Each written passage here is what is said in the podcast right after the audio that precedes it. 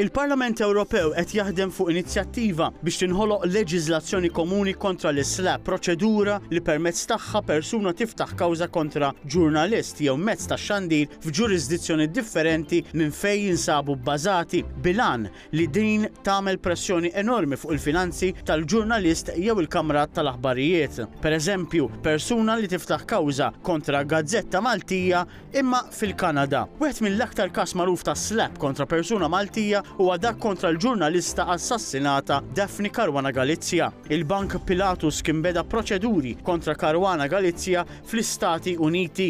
Ali Sadr Hasheminejad kien fetaħ proċeduri kontra Caruana Galizia nhar it-8 ta' Mejju 2017 fil-Qorti Superjuri ta' Maricopa County fl-Istat ta' Arizona.